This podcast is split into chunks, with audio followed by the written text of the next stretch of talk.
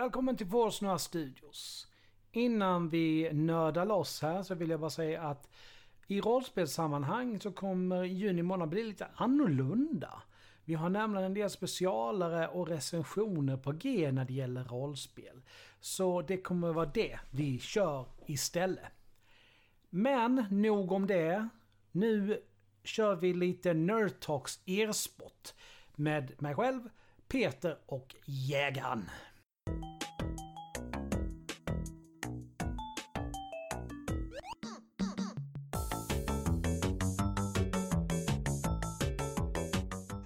Välkommen till kaoset Fredrik. Tack så mycket. Känns härligt att vara mitt i kaoset också. Eller hur? Ja, Vi, vi gör ju det vi kan för att upprätthålla vår del av universums eh, eh, del av, av, av kaoset. Liksom. Det är alltid bra. Ja, någon måste ju göra det också liksom. Vad fan. Exakt. Ehm, idag eh, så, så ska vi prata idag om eh, e-sport. Det är, eh, har väl alltid varit en sån här eh, sportens vara eller icke vara kan man eh, tycka. Men eh, det ska vi gå in lite, lite på om en liten stund. Välkommen till Forsnar Studios och dagens avsnitt där vi ska prata e-sport med Fredrik Jägaren Kemp. Kemp Andersson. Mm. precis. Hej, hej. Gick, gick ifrån Andersson till Camp här förra sommaren och gifte mig. Så det, Ja, det är Grattis! nytt även för mig. Tack, tack. Ja, men kul att vara här. Det är kul att du är här. exakt. Och det är kul att du är här Peter. Det är kul att du är här också Alexander. Tack. Det skulle egentligen inte vara så, men vad fan. Det, man, får, man får ställa upp när det behövs. Vad gör man? Ja. Ehm, För de som inte riktigt vet så är Fredrik, eh, är du, skulle man kunna säga att du är den första Counter-Strike-proffset vi har haft i Sverige? Nej, man skulle kanske kunna säga ett av de första, absolut. Eh, jag började spela för, nu är det snart 22 år sedan. Ja, det är 22 år sedan ungefär som jag började spela. Eh, så det är, det är en lång resa. Alltså, det är väl det som är häftigt, att e-sporten börjar bli... Ja, och det åldras ju liksom. Så det, det är inte ett nytt fenomen längre och det känns ju också som samhället börjar acceptera vad e-sporten är och nu har ju två av de svenska förbunden då gått ihop till ett och saker rör sig åt rätt håll i e-sport Sverige. Så alltså jag är ganska tydlig med att det här året 2022 kommer att betyda mycket för e-sporten eh, på många sätt och vis. Vi ska förhoppningsvis gå in lite mer på det, men eh, absolut en, eh, en av de första liksom, kanske seriösa e-sportarna som fortfarande också brinner väldigt mycket för liksom, framfarten i Sverige så att det ska också växa fram på rätt sätt med rätt miljöer för alla ungdomar. Ja, för du, gick, ju- du har gått från att vara en av världens bästa CSGO eh, till att vara nu eh, coach i eh, samma sport då. Eh, är det för Ninjas fortfarande? Ja, eh, precis. Jag coachar både Ninjas och Pyjamas, mer kanske mot deras ungdomsakademier och ungdomssatsningar. Så jag, jag leder väl lite scoutning och utbildning för spelare som ska ta sig fram, både i- inom NIP såklart, men också alltså för gräsrötsscenen som ska växa som är ett initiativ från eh, NIP och Air Academy tillsammans. Air Mm. Academy är ett företag som jag driver just inom e-sportträning och den formen av utveckling. Sen jobbar jag också med svenska landslaget som förbundskapten. Eh, där var vi nere i Israel och vann eh, ett VM-guld tillsammans som e-sportnation eh, baserat på att vi, vi var så pass duktiga, hade en så bra bredd på plats. Så det var väldigt häftigt liksom, och, och också få åka med andra speltävlingshittar som, som också växer fram eh, i Sverige. Liksom. CS har alltid varit kanske Sveriges nationalsport men eh, det har alltid varit väldigt kul att eh, också gå in i de andra sporterna och se liksom vilka strukturer som även kan ses över och behöver byggas där. Så jag är ganska, jag är inne på många olika ställen samtidigt. Men hur, ehm, hur tycker du att e-sporten har utvecklats från det när du började tills idag? Liksom? Har, ehm, för det har ju gått framåt, det har vi ju kommit eh, fram till. Har det gått framåt tillräckligt fort? På vilket sätt har det då utvecklats? Alltså e-sporten går ju fram enormt snabbt och nu börjar ju också vi som växte upp med det förstå liksom vilka, vilka förmåner man haft som har spelat, alltså oavsett om man jobbar med, med poddar som er eller med eh, spelutveckling eller eh, entreprenörskap och event och så vidare. Så är det, liksom, det är så många jobb som kanske kräver att man har e-sportat och då pratar vi ju att man lär sig liksom kommunicera, grupp och ledarskap. Men när spelar WoW och är ledare där, då har du liksom ett företag på 100 personer som du ska vägleda liksom på rätt sätt. Och det, det är det som är häftigt och att där ligger vi samhället efter i sin förståelse för vad det kan ge eh, till ungdomar och alltså mer utbildande syfte. Och jag pratar ofta om det här självdrivet som man kanske får i oavsett om det är sport eller om det är sport så, så gör det väldigt mycket om man får göra det som man verkligen brinner för. Då blir man ju bättre per automatik och utan coachning också så har vi ju tagit oss fram i det här och, och blivit ganska värld, världsledande. Eh, åtminstone i början av liksom 2000-talet. Eh, men vi är på väg tillbaka som nation också eh, i fler spel. Så, så jag tycker jag tänk... att det, det är det stora tycker jag. Jag tänkte på det du sa där precis. Liksom att, för om man bara tar just World of Warcraft som ett exempel. Ja. Vill man verkligen göra allting i det spelet så måste du kunna samarbeta med andra. Du, annars så får du inte ut allting av spelet.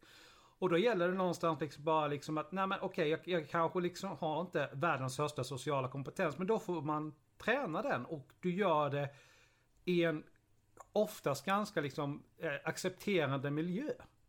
Mm. Där vi har samma intressen liksom så att du... Så att jag tror att det kan hjälpa Alltså många ungdomar på det viset. Och, och sen framförallt att du får liksom träna språk också. Du får ju träna så mycket olika grejer i ett MMO. Ja, precis. Alltså bakom en skärm vågar man ju också ta, ta den här platsen och vara liksom en, en annan kanske människa också. I, på gott och ont. I, I många fall väldigt gott. Att man, eh, som du säger, man kan liksom ta på sig en ledarcap liksom och verkligen visa upp sig. Liksom. Men det här vill jag, vill ha, bygga de här visionerna. Och det är liksom vad, hur, varför och väldigt tydligt hela tiden. Eh, hur man utvecklas via spelet. Och det, är, det kanske man inte ens tänker på själv när man gör det. Men eh, jag, jag lovar, de flesta som jag jobbar med som har en e-sportbakgrund har fått med sig sjukt mycket just det här ledarskap och feedbackprocesser och våga ta dialoger. Eh, stänger man ute det hos ungdomarna istället, då blir det liksom att man, man både kväver det största intresset men också kväver den här utvecklingen som, som jag ser den var extremt viktig. Ja men oftast är det så också att, att förbjuda någonting är oftast inte rätt väg att gå. Då blir det bara mer spännande att göra det i alla fall. Så det... Mm. Eh, när det gäller förståelsen hos, hos oss liksom som är inne i branschen, den har väl alltid liksom funnits där. Men om vi tittar tillbaka så sent som förra året och, och att Sverige blockade The International. Ja. Eh, eftersom att inte det var en riktig sport då. Eh, var det ett stort bakslag för e-sporten i sig eller har det varit någon slags eh, tändvätska för att få igång debatten på riktigt? Eh, ja, alltså, absolut både och. Jag tycker absolut att det kan anses vara liksom en katalysator för att saker börjat hända efter det och att eh, alltså, e-sportsamhället verkligen sa ifrån liksom, att det här, det här, är ju, det här är inte okej, det här är helt galet. Så långsiktigt tror jag absolut att det är någonting som är bra. Eh, kortsiktigt absolut att eh, att vi liksom inte fick det och nu får vi kanske ett mindre event i Sverige men inte liksom Maiden. Det är väl, det är mer kanske världen som ser på oss liksom som att men är de inte redo att satsa på den? Tror de inte på e-sporten? Och, och vi blir liksom en mindre e-sportnation helt plötsligt från att liksom få, få, få, ha många stora event oavsett vilken titel det varit. Starcraft har vi kört, vi har kört liksom eh, CS-event, liksom, stora event hela tiden. Men när vi fyllt Globen flera gånger och, och Malmö Arena. Så det, det här var väl, det var väl jobbigt på sitt sätt, men jag, tror också att vi behöver få in Riksidrottsförbundet. Jag tror vi, gör det, vi kommer göra det nu när vi har ett förbund, det är som en tydlighet. I, så det, men det, här, det, här, det är så här vi gör. En, en, ett förbund som jobbar med landslag och ett, ett eh, förbund som liksom organiserar med. Då får man liksom... De, att, att de går ihop så blir det väldigt tydligt. Eh, mm. Så jag tror så här långsiktigt så tycker jag att det, det tyvärr var bra om jag säger så. Men kortsiktigt är alltså skittråkigt. Alltså. Ja. För det är Riksidrottsförbundet som har stått i vägen nästan från början va? Ja, i det här fallet var det väl... Eh, utrikesministern tror jag som, som satte stopp just för att um, man inte fick speciella visum för att resa in till Sverige. Så. Men alltså i många fall är det det och det handlar ju mer om att lag och uh, spelare och föreningar ska få liksom pengar för att kunna lyfta liksom e-sporten framåt. Att man ska kunna skapa liksom de här strukturerna som, som kanske Danmark har. De har ju, de har, har ju per automatik så här, pengar som rullar in till de här organisationerna som växer fram eh, på samma sätt som traditionell sport. Och då blir det mycket lättare att etablera lag och bli liksom en eh, kraftfullare e-sportnation. Så, så det är det som saknas. Alltså, drivet och eldsjälarna finns ju där, men det är lite så man springer motvind hela tiden, hoppas liksom på att men kan vi få lite, sen, kan vi få lite skjuts så kommer det många, många delar lösa sig. Ja. Jag såg en dokumentär, jag tror det var på femman, för det, lite grann, så det var visserligen, äh, nej det var inte en dokumentär, det var ett program om matsvinn. Men då var den här killen i Norge och besökte alltså ett e-sporthus. Där det fanns alltså, det var nästan bara danskar av någon konstig anledning. Liksom. Men, men alltså en del, och en del norrmän. Skulle det vara någonting som Sverige skulle satsa på, tycker du? Ja, absolut. Det, det startas ju mer satsningar för, för stora gamecenter. Sen tror jag också att man behöver göra det som eh, alltså förening och klubblag, att man behöver kanske ha fysiska platser där ungdomarna kan komma till och utöva det här. Alltså det är, det är fortfarande del att du behöver ha det här sociala mötet också, såväl som på nätet. Och där blir det än tydligare liksom med, med en etikett och också för tjejernas skull att kunna liksom komma in och uh, utvecklas på samma sätt. Något som är liksom min stora puck egentligen 2022, det är just tjej, tjejscenen. Och nu går jag in på något annat här, men att det, jag tycker man är för feg när man ska ta tag i det. Många säger så här, vi vill gärna göra det här, men, men sen stannar det där liksom, för att man inte riktigt vågar vara ärlig med vad som behövs. Jag tycker ju eh, verkligen att det är lite som att titta på fotboll förut, att fotboll utvecklas ju nu väldigt bra med tjejscenen också för att många coacher har kommit in som också är professionella coacher. Förut var det kanske mer att eh, tjejerna fick liksom ta den förälder som kunde ställa upp och aldrig liksom de bästa utbildarna, tränare, tränarna som skulle liksom driva tjejernas satsningar framåt. För man, man ansåg mer att så här, men det, här är, det här är kul och liksom, ja, men det är mysigt att de får umgås här. Medan här killarna, då är det liksom så här, men det här, det här ska ju bli eliten. Liksom. det är lite så det är med CS också. Samt det här omklädningsrumssyndromet tycker jag att killarna släpper ju inte in tjejerna heller. Men om de inte gör det och är redo att göra det, alltså det är klart vi kan spela på samma villkor i e-sport.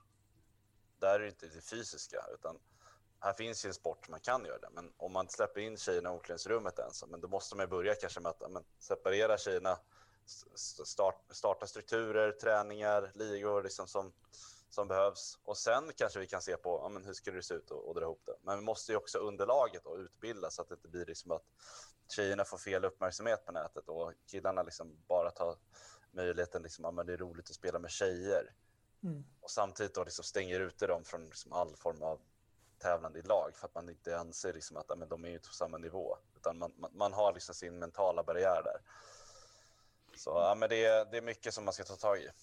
Ja men det är alltså tyvärr ett problem som samhället överlag. Liksom. Jag menar för att du, ja. Det är ju jättebra att det finns, alltså vi kan ju ta liksom, alltså om det är queer eller tjejer eller vad det är. Det är jättebra att de här olika organisationerna finns. Men det är skittråkigt att de ska behöva finnas överhuvudtaget.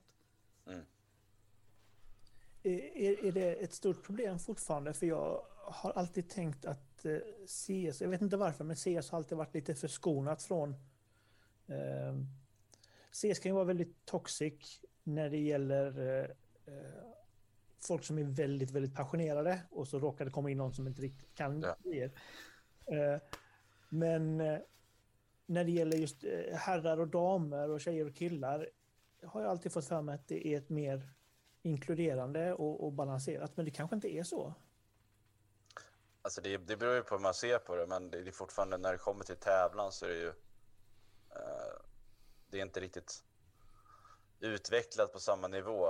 Eh, och det är det jag menar, liksom att det finns inte så mycket daminitiativ. Nu stängdes precis det ner ett event som heter Copenhagen Games. Det brukar vara liksom, kanske världens största damevent, ja, men lite som DreamHack typ, att man, man har för väldigt mycket fokus på damturneringen. Det blir inte det av i år och det skickar också så signalen liksom att Alltså man kan inte stänga ner det som kanske är slussen för att damscenen ändå håller på att utvecklas. Men, sen, men sen är de här delarna liksom att vi, vi måste också kanske eh, gå in och börja liksom med strukturera upp damlag, kanske se till att de, de hittar varandra, de som också är intresserade av att börja tävla och träna i lag och sen börja bygga de strukturerna som vi, som vi gjorde när vi var yngre. Eh, men också liksom ge dem så här, men, möjligheter att tävla. För om det inte finns någonting att tävla i, om du alltid känner liksom att du kanske inte finns vill vara med på här tävlingarna för att man känner att man är där och man har självförtroendet och att man kanske blivit utstängd många gånger på, från herrarna också. Liksom, när det gäller liksom att, men, skulle jag få en chans att spela hos er eller att man inte vågar ställa frågorna. Liksom. Då blir det ju väldigt svårt. Så jag tror att det är väldigt viktigt att man, man tillhandahåller det här som kan bygga självförtroende, pondus, liksom allt det innebär. Och sen kanske tjejerna också kan gå in hårdare liksom, och tävla mot, mot herrarna eller gå in liksom, i mixkonstellationer. Jag lyckades faktiskt få in nu, jag sitter i internationella VM-förbundet eh, och deras spelarkommitté, så nu lyckades jag få in att det ska vara en CSGO-turnering på VM och det är också för damer. Och det är också någonting som kommer skicka signaler, tycker jag, utåt. Så man måste ju börja längst upp och sen får det grena ut sig liksom, regionalt. Liksom, att, ja, Sverige kanske börjar väldigt hårt nu liksom, att satsa på damscenen, men om fler länder gör det, det finns ju underhållet och det finns också liksom, så här, mm, som nation att man kanske går in och tar fram ett lag, coachar dem, tydlighet och så här. Och sen måste vi jobba neråt. Uh, så jag, jag försöker alltid tänka liksom i in the long run, så här, vad är behovet? Inte så här det här liksom korta, så här, amen, amen, kan inte du, kan inte jag gå in och coacha ett damlag här? Och det räcker liksom inte, så vi måste ju bli väldigt enade på många fronter. Uh, så. Ja, men det är ju också lättare att eh, att ta till sig någonting om det börjar högt uppe än att det kommer någon eh, tvååring som bara ah, “jag tycker det är bra med damhockey”. Eh, mm. Börjar det högt uppe och går ner istället för tvärtom så har det ju större effekt. Ja, verkligen. Men om vi då tänker lite grann positivt här. Om du tittar idag gentemot för tio år sedan. Hur mycket har hänt alltså i positiv riktning då? Eh, nej, men det är väldigt mycket. Jag ska säga att eh, vi ser ju, en, alltså, vi ser ju om man tittar på siffrorna för e-sport så det, är så här, det stiger konstant. Både hur många som utövar det, eh, prispengar, spelarövergångar Eh, och sen liksom sponsorer som är inblandade i, i sportens utveckling. Så det, det är så här, jag, har alltid, jag har alltid tyckt och tänkt att så här, om man tittar på tio års perspektiv som du nämner nu då, så är det alltid så här att vi kommer nästan dubblas eller tripplas var tionde år liksom, framöver. Eh, och, och, då pratar vi ganska snart spelarövergångar som är likt fotbollen eh, på flera hundra miljoner. Nu gick en svensk spelare, kan, eller en svensk spelare kanske går till Nina Pyjamas nu. Eh, det är inte klart, men det, det snackar vi liksom 6 miljoner. Alltså för, en all, ja, men för, för en allsvensk spelare att gå till liksom Premier League. Ja, men det är så här, det kanske är lite mer så, men det är inte långt ändå. Liksom. Mm. Och då, då, förstår man ändå så här, men snart kommer vi röra oss om, om siffror på liksom 100 miljoner. Och det här är ju en spelare som inte ens var rankad topp 20 i världen förra året. Extremt duktig, absolut. Men det finns ju spelare som redan gått runt 30-40 miljoner. Liksom. Så övergångarna och, och liksom utvecklingen finns ju där. Sen hänger inte riktigt eh, kanske den traditionella eh, företagen med och ser liksom vilket värde egentligen man skulle ha om man går in i e-sporten och liksom marknadsför sig där. Jag digitala kanaler och liksom tidningar och tv, det är, det är, en, det är utdöende om man ska vara ärlig. Uh, ungdomarna sitter ju på Twitch och tittar på tävlingar och det är mycket lättare att se också vad som händer på, på en tävling och se de här sponsorerna än att titta på en fotbollsplan och försöka se liksom ett plakat runt planen. mm. ja. När det gäller själva coachningsbiten då, har det ändrats eh, på något? Det misstänker jag att du har gjort, men på vilket sätt har det ändrats från när du spelade tills nu när du coachar? Eh, det är väl mycket att man själv har, både jag har utbildat mig väldigt mycket inom coaching och ledarskap senaste, senaste åren. Och, eh, så jag har jobbat ändå med coaching ledarskap nu sen jag var 14 typ, så det är, det är många år. Eh, Oj! Ja, nej, men precis. Så det, så det, är, så här, det är alltid haft med mig i grunden också. Så här, jobbat för mycket med fotboll och, och PT-träning och gruppträning och resor och sånt. Så där, liksom. Men det har man alltid haft med sig och kunnat överföra eh, liksom, att man har en fysisk bakgrund också, eh, tränat många sporter och sen har man e-sporten och liksom på något sätt var med och byggde upp hur man tränade e-sport back in the days. Eh, alltså vi hade ju scheman och eh, lite så här som ett Google, Google, vad heter det, Google Calendar liksom som låg uppe. Bokade matcher och allt det där liksom. Så vi, vi, vi tog ju tag i strukturerna. Sen har man ju fått tänka om lite, så här, men hur, hur kanske man gör inom traditionell sport? Eh, hur behöver vi blocka typer av träningar? Hur, hur gör vi för att inte bara spela matcher hela tiden? För det är lite så här, det är enligt mig lite idioti liksom att alltid bara spela matcher, utan det måste ju skapa förändringar, kanske måste se olika typer, alltså i, i fotboll då är det, så här, då är det match, match, men här kan du köra så mycket träningsmatcher, då kan vi blocka upp det som gul, grön och röd kanske. Men så grön, det är liksom en utvecklingsmatch. Du har liksom ingen vision att vinna matchen utan ska testa så många saker som möjligt. Medan röd, då kanske är liksom skarpt läge. Nu jäklar, nu är det 100 procent. Liksom. Det här är en tävlings, tävlingsträningsmatch. Liksom. Och jag tror många liksom ligger på rött hela tiden när vi tittar på de som spelar nu. De vill alltid vinna. Liksom. Det finns inget annat liksom, än 100 procent. Då blir det ju så här mental barriär också. Jag tror inte liksom att du ser så mycket på utvecklingen. Alltså det, det har hänt jättemycket. Alltså bara i Nina Pyjama som jag jobbar med så har vi fyra coacher plus eh, en eh, sport performance manager som jobbar väldigt mycket med, med de här bitarna också runt omkring lagen. Så det är, det är, väldigt, det är väldigt stort. Alltså, du kommer nog se fler coacher än traditionell sport eh, inom e-sporten framöver. Det är intressant just att säga för att jag kommer, kommer dra mig till minne en bild som jag såg på mitt förra jobb. Du har liksom en stor cirkel. Där det står your comfort zone. Så du har en liten cirkel precis utanför den överlappar lite grann where the magic happens. Mm. Och någonstans är det så att du måste utanför det, det, liksom det du är van vid för att det ska hända någonting framåt. Alltså som du säger då liksom är att det, nej men det här är ingen tävlingsmatch utan nu ska vi du bara, bara testa alla era galna idéer du har. Se ifall det funkar. Ja.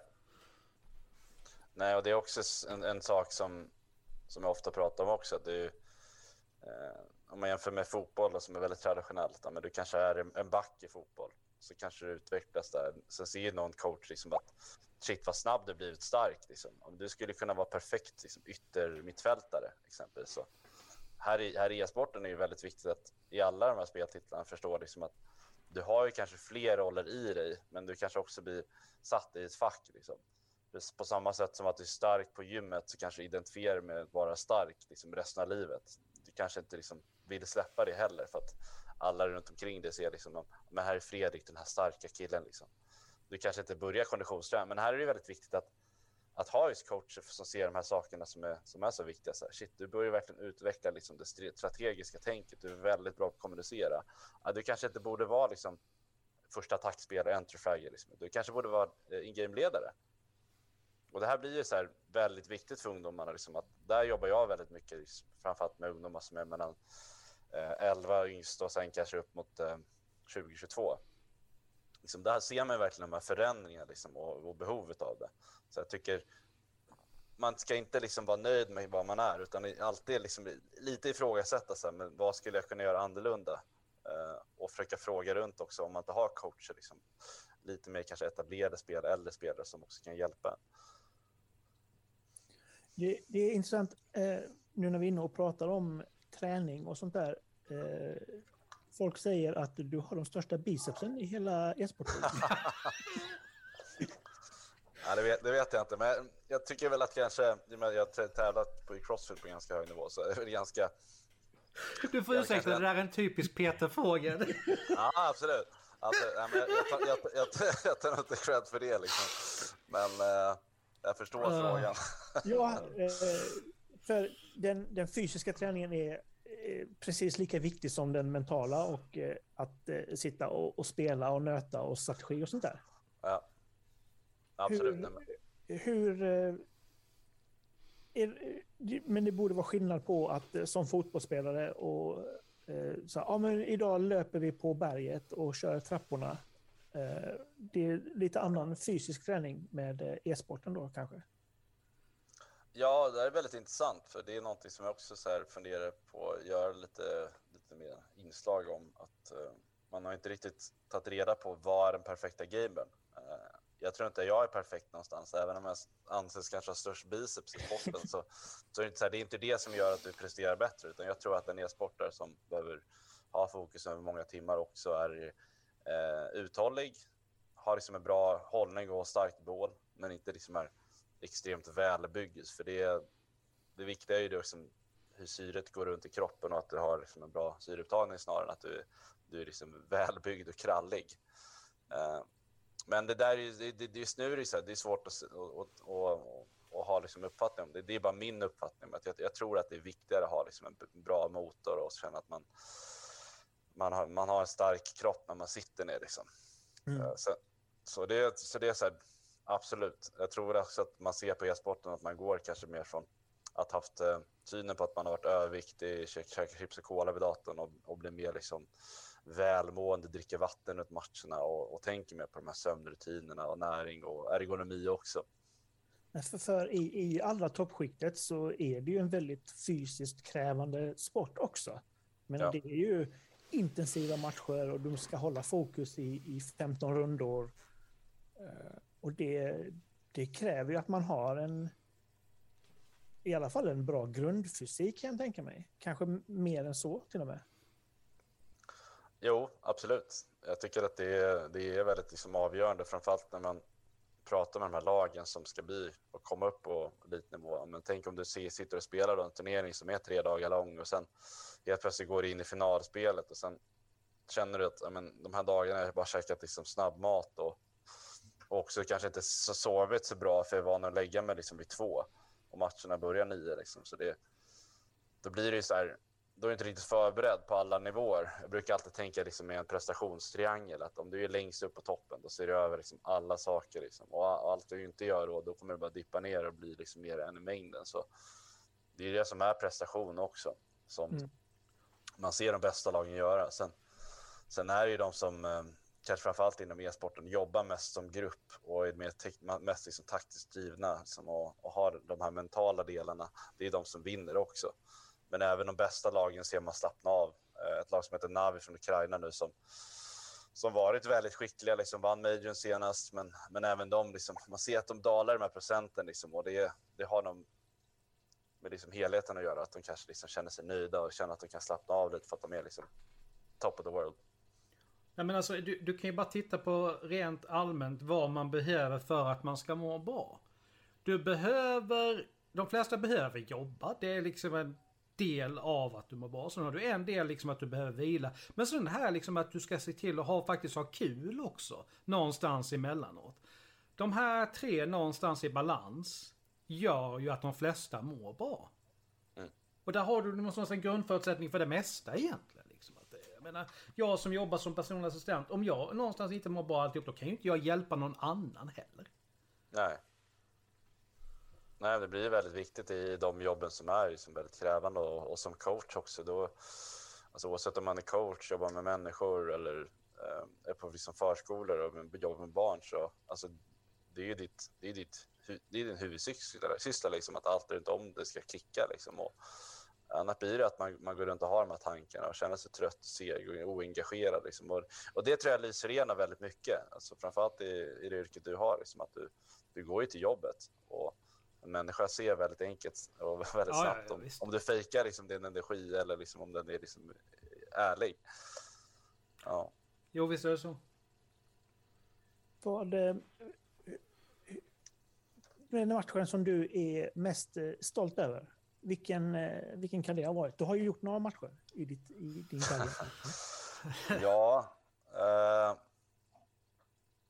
egentligen var det kanske när jag slog igenom ordentligt. Det var ju ehm, ett, eh, ett VM-kval kan man säga på, på svensk mark. Alltså vi, vi i Sverige var ju så extremt bra. Jag skulle säga att topp 10, eller topp 8 i Sverige i alla fall var liksom topp 20 i, i världen sett till, till eh, CS-lag. Då. Uh, och då hade vi alltid inhemska kval och på förhand så kanske vi var utsnackade lite. Det var spelade med en kille som heter Getright som spelar än idag. Uh, vi mötte liksom de här som började strax före mig då, liksom riktiga så här legender också som, eh, som vi lyckades vinna över eh, och kvala vidare till Frankrike då liksom. Och det jag gillar alltid den här liksom underdog-storyn, att man liksom är uträknad men man ändå lyckas ta sig vidare. Och då hade vi lite sån här turnering. Jag gillar att prata om ordet flow. Alltså, oavsett vad du gör, så hamnar du i flow så känner du liksom att saker bara flyter på, händer per automatik. Och det känner att allt är med. Liksom. Och vi hade varit så väl förberedda inför och allt klickade. Eh, sen också måste jag säga nu faktiskt senast Israel där jag fick hoppa in som spelare istället för coach. Vi fick ett coronafall dagen innan på, uh, på Arlanda liksom, så fick jag hoppa in och spela ett VM. Eh, på väldigt kort tid så fick jag lära mig otroligt mycket. Eh, och det var snarare kanske ett, ett, ett extremt roligt minne av att fått kom, gå tillbaks eh, i 15 år i livet nästan. Liksom. Nej, men till, till, till, till man var ung och man eh, var, var på de här tävlingarna och, och höll på. Var du lika bra? Har du tappat någonting? Nej, absolut, absolut inte lika bra. Nej, så, så det är också så här, jag fick ju anpassa vad, vilken roll jag skulle ha i laget och verkligen tänka till att ja, men gör jag små misstag nu kommer vi absolut förlora alla matcher. Vi slutade fyra på VM, vilket var liksom en, en, en, en skräll skulle jag säga. Det var ju mycket baserat på alla runt om mig funkar extremt bra, men också så här, jag är väldigt nöjd med att jag gjorde då väldigt få misstag och, och absolut vad jag kunde. Så jag, jag, ser, jag kommer aldrig se tillbaka på det som liksom en, en dålig turnering, utan snarare liksom att ja, men det, det, det kommer jag aldrig glömma. Alltså jag fick uh, tävla då, som landslagsspelare både, både i gamla CS och i, i nya. Men någonstans är det ju så här, om man har gjort det bästa man kan. Ja men tyvärr, det räckte inte den här gången. Men du har ändå gjort ditt bästa. Du, man kan inte göra mer än så. Nej, Nej, precis. Nej, men det, och det, det, är också något som är väldigt intressant tycker jag. Att pratar man eh, prestationsidrott så är det väldigt få som är nöjda med sina prestationer. Och det är lite samma jobb också. Jag fick alltid liksom vara på eh, mina arbetsgrupper liksom att men, du måste också berömma och, och, och se efter så här, vad är det som är bra. För annars kommer man alltid liksom jobba i, i negativt eh, prestationsmönster. I. Och det är väldigt tydligt i Crossfit som jag håller på med. Liksom. Nu börjar något som heter Open här i veckan eh, som många över hela världen kör. Men där är alltid så här, du kommer alltid vara efter en prestation känna liksom att någonting där kunde jag gjort bättre. Eh, och direkt efter kanske du är nöjd, men sen börjar du tänka lite så här på små saker så här, och irritera liksom. ah, men jag kunde gjort det där och där. Alltså, ja, du kunde gjort det, men är du ändå inte nöjd? Alltså det, det är också så här, det är så mycket mentalt tycker jag i dagens samhälle. Man tittar så mycket på andra på sociala medier och alltså det speglar ju verkligen fel bild av verkligheten tycker jag. Uh, så det är, det är en lång diskussion det där, men jag försöker verkligen diskutera och prata med människor om det. Att det man, man, måste vara mer nöjd i dagens samhälle med saker man gör och uppnår. Ja men det är ju lätt att, att peka på allting som är fel. Men jag försöker ja. ju alltid när vi har passbyte på jobbet liksom säga men fortsätt göra ett bra jobb. För du gör ett bra jobb. Och likadant ja. är liksom att du, vi jämför ju oss jättegärna med andra. Och på ett sätt så är det ju bara för det är ju någonting att sträva mot. Men samtidigt så kan du ju egentligen bara se hur långt du har kommit genom att väga dina prestationer mot dina tidigare prestationer. Du kan inte utvecklas egentligen genom att, ja men han gjorde så mycket bättre. Ja men du har gjort så mycket bättre därifrån till hit.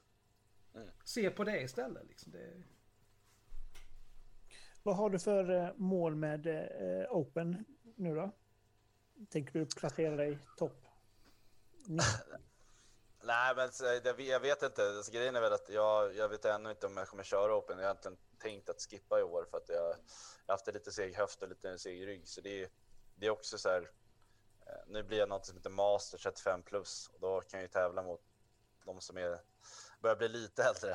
Eh, men eh, jag får se lite. Det är också det här att vara ärlig mot mig själv och min kropp. Så här, om, jag, om jag känner att jag inte är där och, eh, och gör det, alltså tävlar, då kan det bli en risk att jag skadar mig för att jag ändå liksom går in i någonting och känner liksom att jag kommer ge vad som helst oavsett om kroppen ger vika. Och det är bara, det är bara dumdristigt. Mm.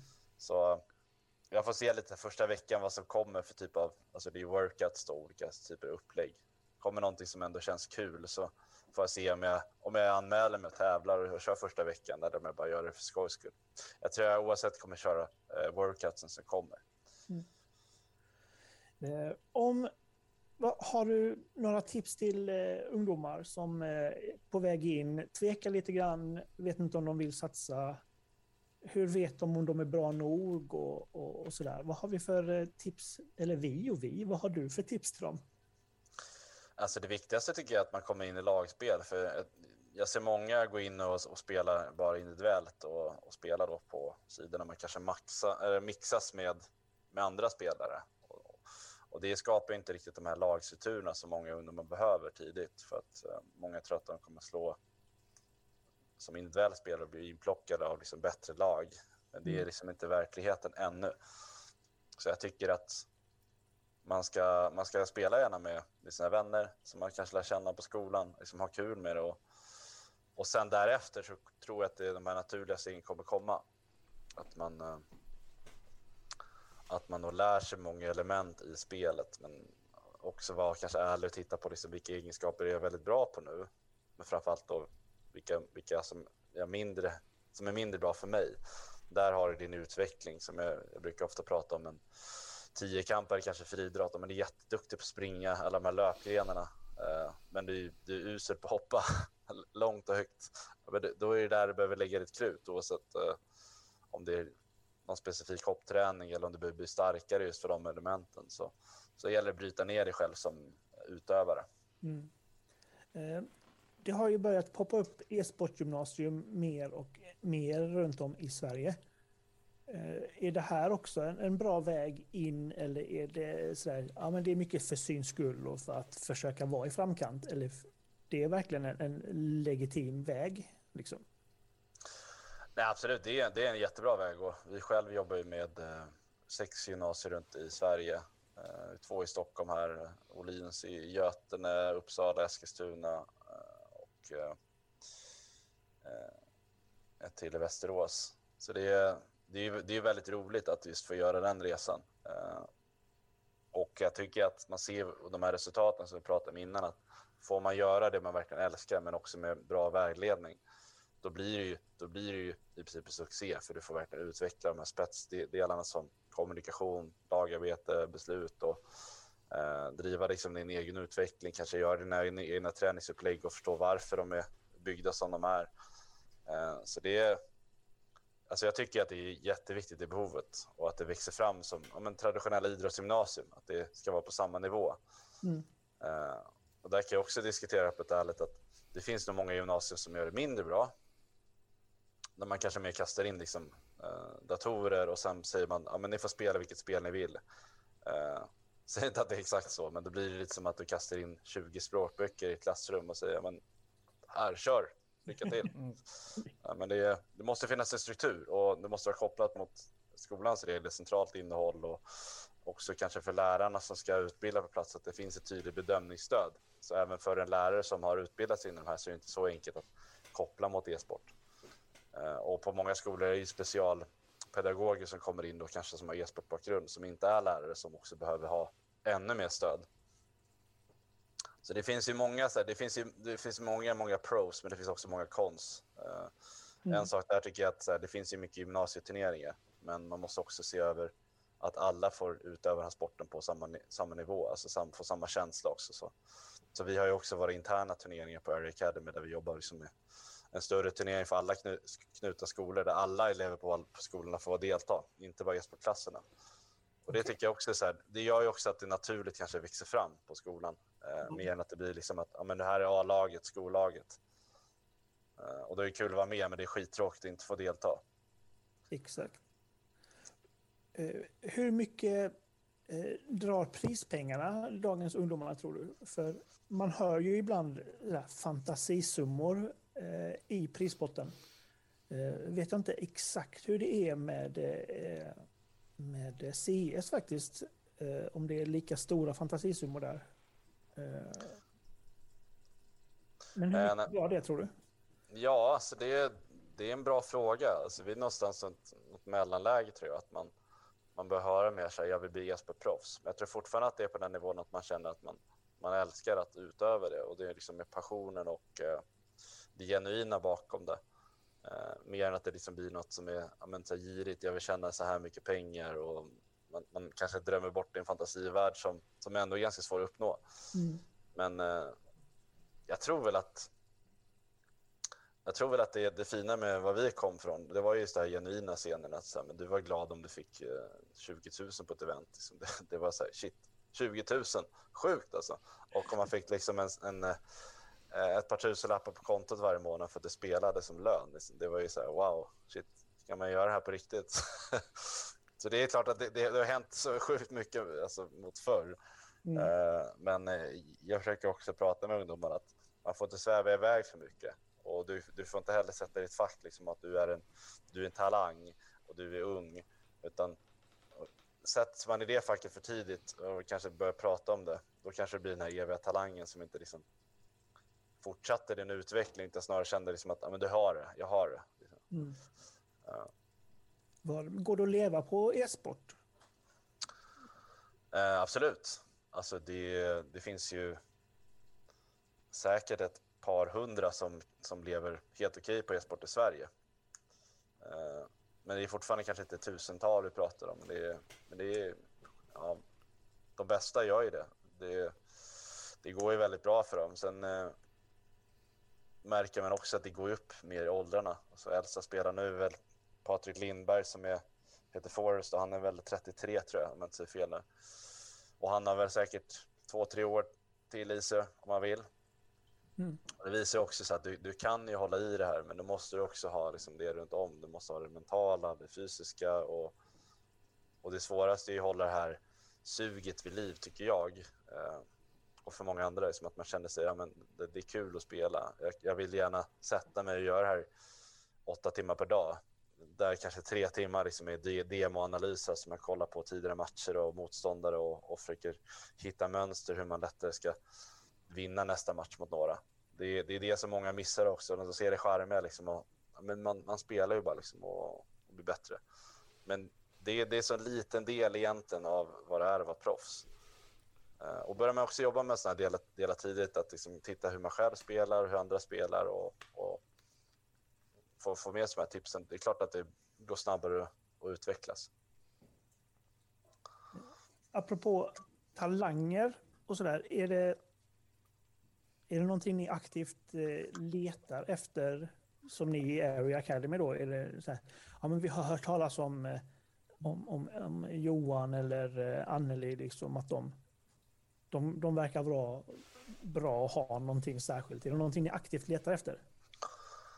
Ja, det är ju lite som jag var inne på innan. Det är ju så här, Area Academy NIP, vi jobbar ju väldigt tätt just för att eh, vi vill ju få, få fram liksom nästa Eh, stora stjärna såklart. Men sen är det också det här med gräsrötten, att få dem att växa fram så att det är många spelare också. Jag tror väl mycket på att eh, jag driver ett initiativ som heter Path of an Ninja som vi kört fyra omgångar nu, där vi tar fram då från en läder på ungefär 5 till 10 000 spelare så kvalar man sig vidare och så får utvecklas under tre dagar med mig där vi kör olika typer av träningar, eh, matchsegment, matchspel och så tar jag vidare då spelare som, som blir från 40 till, eh, till slutet en spelare som vinner hela grejen. Men, men där blir det också så här, där får man jobba med så många spelare och fortsätta liksom ta diskussioner och samtal med dem så att man, man kan hjälpa till att forma deras utveckling. Det tycker jag är det absolut roligaste som finns faktiskt, just det, det projektet. Det blir så tydligt att, eh, att de här ungdomarna också behöver vägledning för att, liksom, att komma in i grupper och lag och sen kanske vara tydlig med att ja, men det viktigaste för er nu ja, men det är att ni spelar turneringar, utvecklas, eh, kör alla de här delarna som proffslagen gör. Och sen då tittar man liksom på hur det går i turneringar, följer upp så gott man kan. Och det är väl det som saknas mycket. Att, eh, scouting, där är just nu kanske i fotboll, där kanske man jobbar på ett annat sätt. Man kanske just som, som du sa innan, man, man får, får ny som en spelare som är där, man tittar på matcher och försöker mm. se, men ska den här personen gå rakt in i vårt lag och varför? Nu måste man ju också kanske, både som jag pratade om damscenen och ungdomsscenen, man måste få jobba med gräsrötten för att de ens ska uh, kunna bli så bra som är aktuellt. För att vi sen ska plocka in honom kanske i NIP eller sådär. Så det är, det är en helt annan väg att gå, vilket är kul. Eh, men eh, det är också så pass mycket tidigare när man jämför med kanske när, när, när fotboll, traditionell sport, eh, börjar komma. då var det ju väldigt, väldigt sent i relation till e-sport som, som scoutningen existerade. Men det är Mm. fortfarande ett nytt fenomen. Så det är ju därför så här, vi, vi är så mycket snabbare på bollen och då behöver man också ha andra metoder. Om Vad- du fick eh, drömma helt fritt här nu. Hur skulle du se att, det, att e-sporten i Sverige utvecklar sig? Så bara så liksom rak positiv väg som möjligt. Vad skulle du vilja se hända då? Eh, ja, RF kommer in. Vi eh, börjar strukturera upp fler lag i Sverige. Eh, vi börjar jobba med eh, träningar för alla egentligen ål- å- å- ålderskullar så att man kan komma in som ja, men flickor 12 pojkar 12. För nu ser vi ju att många är nöjda just med hur det kanske ser ut idag, men det är, det är långt ifrån det som det ska komma att bli. Så att det är med tanke på underlaget att det är en 600 000 ungdomar som spelar liksom e-sport dagligen. Alltså jämfört med traditionell sport och hur snabbt det utvecklas så är vi långt före. Eh, och då behövs ju det, eh, det behovet. Också kanske föräldrarnas skull, att man vet att de ut, utbildas, utvecklas. Det är därför vi ändå håller på med traditionell sport, för att du vet vilket värde du får av, av träningarna.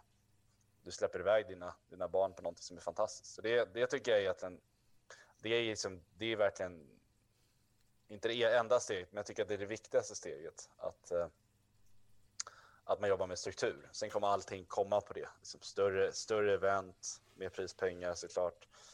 Eh, Sky's the limit. En, en sista fråga eh, för idag.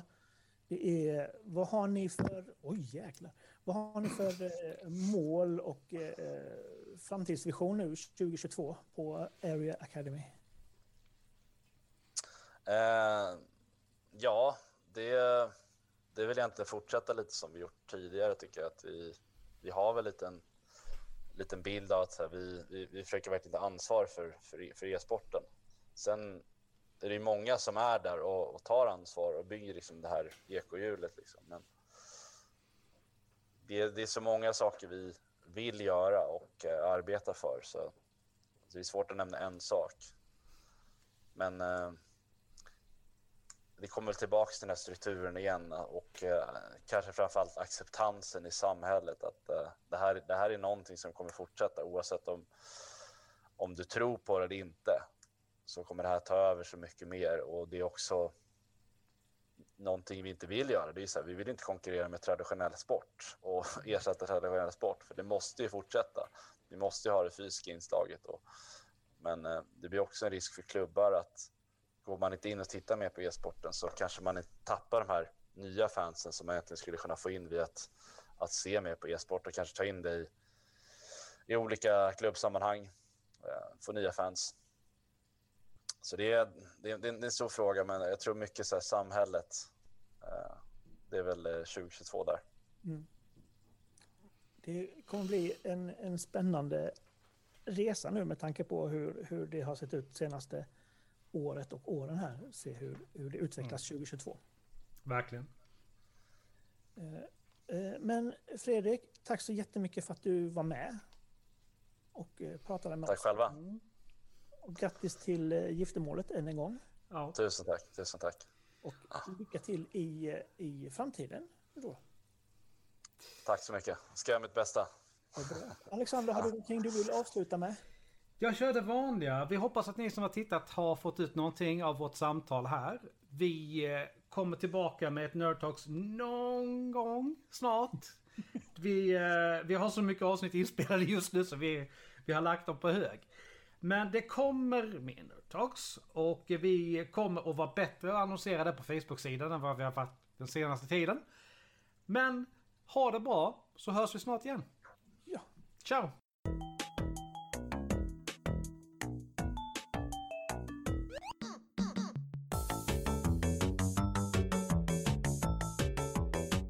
Tack för att du lyssnat på dagens avsnitt. Musiken är gjord av Imaginary Stars Production. Följ oss gärna på sociala medier. Vi finns på Facebook, Force Noir Studios, Twitter, at Studios Golfstreck Noir, Instagram, Force Noir Studios och där skrivet som ett ord. Vi skulle uppskatta om ni gillar våra inlägg på Facebook, Twitter och Instagram då det hjälper att motivera oss i det vi gör. Vi har även en mail där ni kan nå oss. Forsnorastudios at gmail.com. Även där Forsnora Studios skrivet som ett ord. Ta hand om er så hörs vi snart igen. Stay tuned!